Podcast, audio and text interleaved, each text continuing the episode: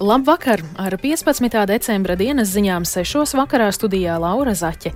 Vispirms ieskats tajā, ko vēstīsim. Eiropas Savienības līderi vēl nespēja pārvarēt Ungārijas iebildumus pret finanšu palīdzību Ukrainai. Latvijā sākuši kursēt jaunie elektrovilcieni. Latvijas banka nākamajā gadā prognozē zemāku inflāciju un vājāku ekonomikas izaugsmi. Par šiem un citiem tematiem plašāk ziņu turpinājumā.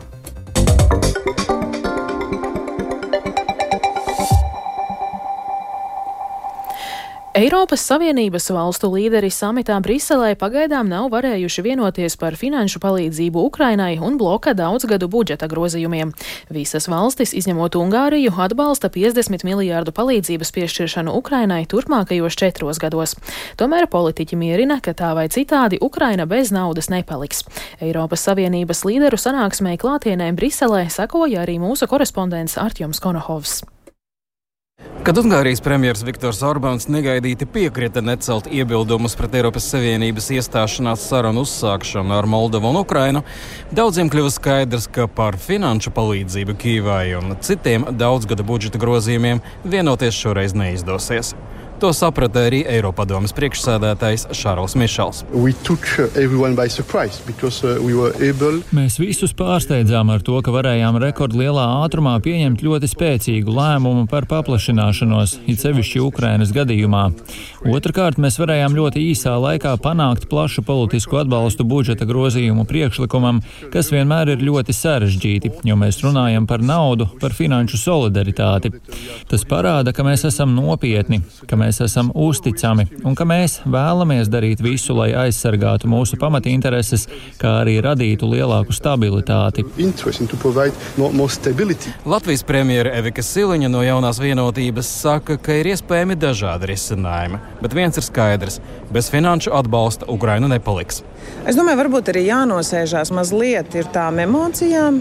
Es domāju, ka katrā ziņā vēsturiskais lēmums mums ir pieņemts. Tas ir ārkārtīgi svarīgi gan Ukrainai, gan Moldovai, un patiesībā arī eh, Gruzijai un Bosnijai Hercegovinai par eh, finansējumu. Jāturpina. Iespējams, tas bija pat daudz gaidīts, ka būs eh, divi šādi ļoti apjomīgi lēmumi uzreiz.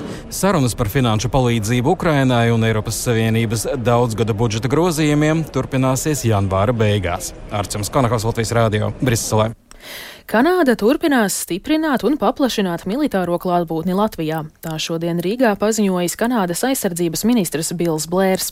Pat laban Latvijā ir aptuveni tūkstotis Kanādas karavīru, bet tuvāko divu gadu laikā šo skaitu plānots dubultot. Tāpat Kanāda nākamgad Latvijā izvietos helikopterus un pārnēsājamas pretanku raķešu sistēmas, kā arī plānots izvietot tuvās darbības pretgaisa aizsardzības un pretdronu sistēmas.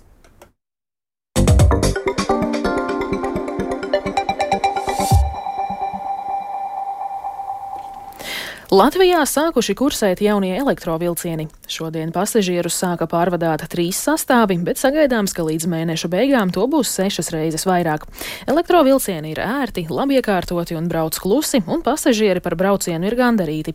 Taču ir arī sava dārvas karote. Jaunajos sastāvos nav novietņu velosipēdiem.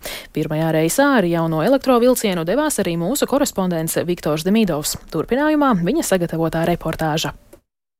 Notiek. Jaunais elektrovilciens pusotru gadu pēc tam, kad to atveda uz Latviju, šodien pilns ar pasažieriem no Rīgas dodas uz dubultiem.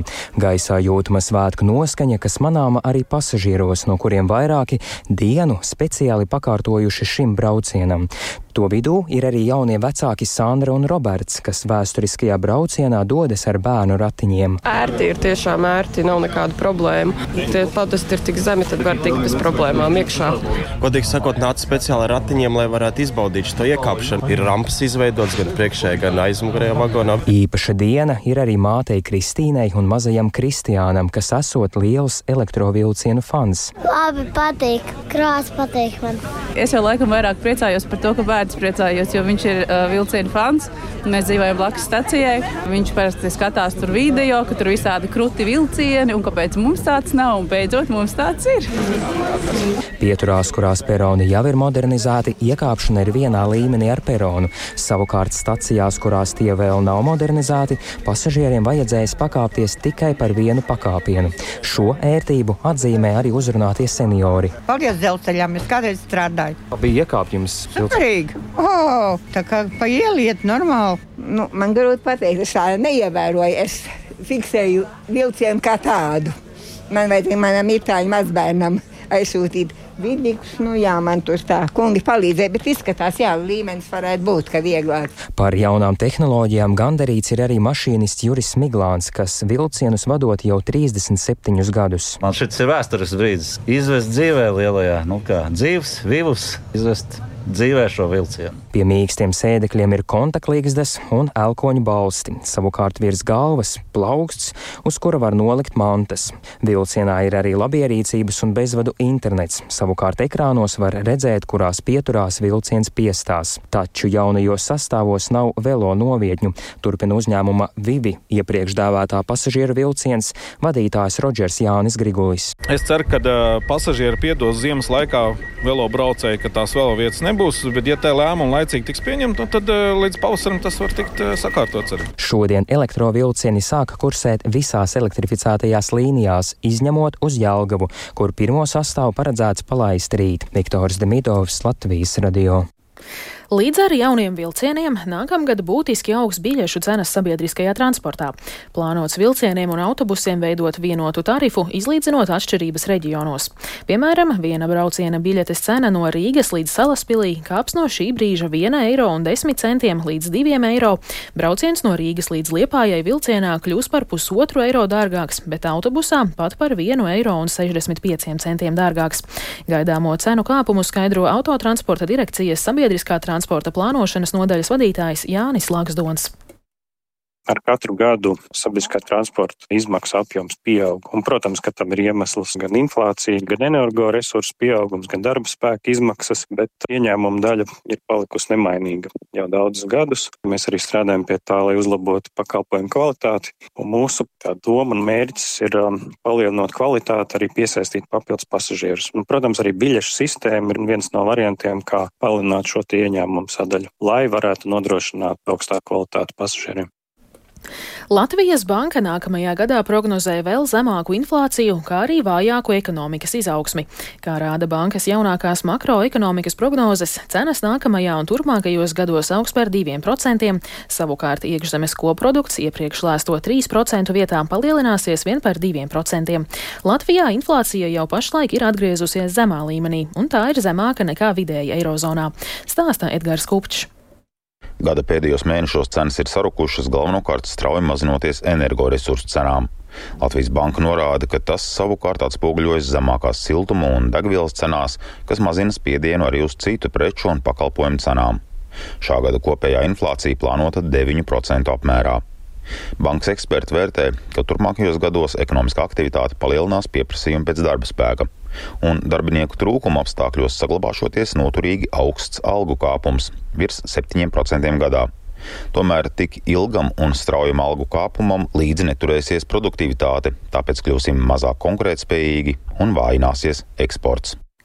Šorīt atklāts sabiedrisko mediju labdarības maratons dod pieci. Šajā reizē visa saziedotā nauda nonāks pie bezpēļņas organizācijām, kas sniedz profesionālu palīdzību bērniem un jauniešiem, kuri palikuši bez pienācīgas aprūpes, cietuši no vardarbības vai saskaras ar dažādām citām dzīves grūtībām.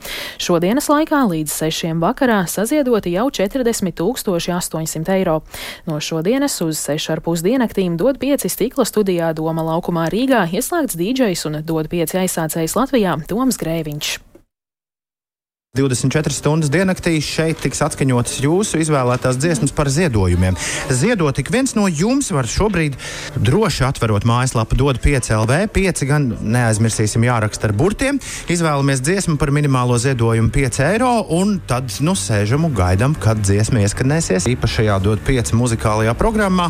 Un man būs iespēja arī izlasīt visu, ko jūs pierakstīsiet klāt labdarības maratona dod 5 mājaslapā. Tātad dod 5 LV līdz pat 21. decembra vakaram. Pulksten 22. iespēja izvēlēties dziesmu par ziedojumu.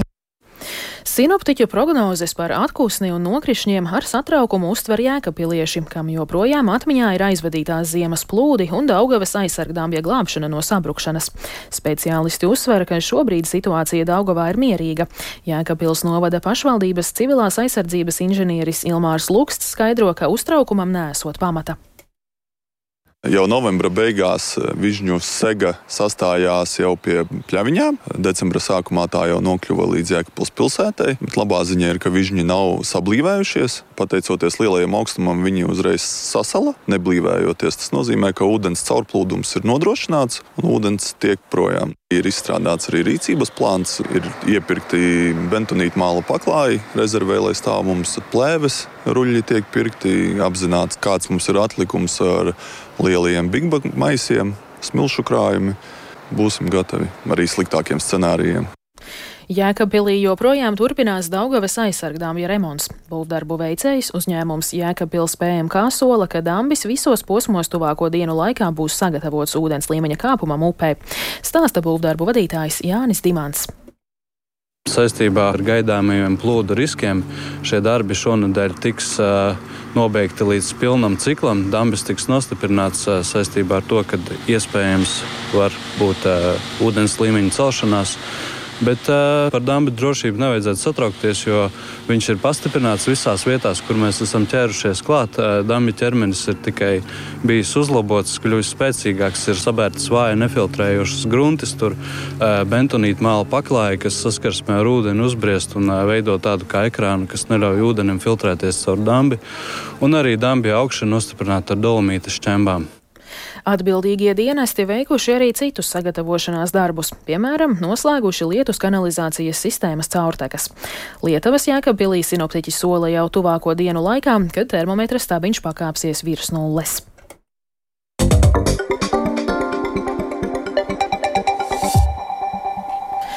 Ziņu noslēgumā par sportu. Baltijas valstu olimpiskās komitejas prasa Starptautiskajai olimpiskajai komitejai skaidrot lēmumu pieļaut agresoru valstu sportistu dalību Parīzes olimpiskajās spēlēs.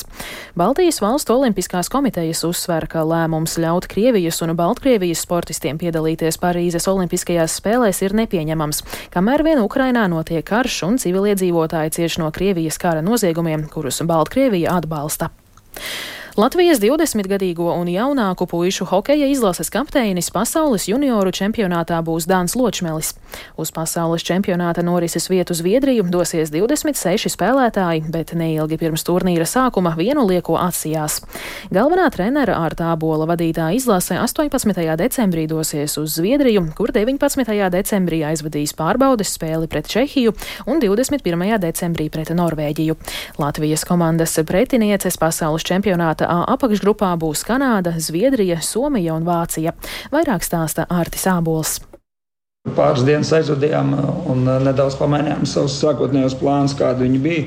Šobrīd mums ir zinām 26 spēlētāji. Mēs braucam uz Zviedriju un pēc divām šīm pārbaudas spēlēm vienam uzbrucējam nāksies braukt mājās. Ir mums divas spēles Zviedrijā, kur mēs arī sākotnēji bijām domājuši pēc otrās spēles tomēr braukt mājās un sagaidīt Ziemassvētku šeit. Bet tomēr, kā saka, vēlreiz apdomājot divreiz vēsu galvu un zinot to, ka 26. vakarā mums jau ir spēle, tad federācija rada iespēju, lai mēs tomēr varētu palikt eh, Zviedrijā un eh, tomēr gatavoties. Nevis svinēt Ziemassvētku, bet gatavoties pasaules čempionātam. Ar to izskan 15. decembra dienas ziņas. Producente Vija Bremse ierakstus montēja Renārs Steimanis, pieskaņu pults Iveta Zvejniece, bet studijā Laura Zaķe. Vēl tikai par laikapstākļiem. Yeah. Gaisa temperatūra Rīgā šobrīd ir mīnus 2 grādi un pūš rietumu vējš 2 m2. Atmosfēras spiediens ir 770 mm, bet relatīvais gaisa mitrums 84%. Par laiku turpmāk stāsta Toms Brīcis.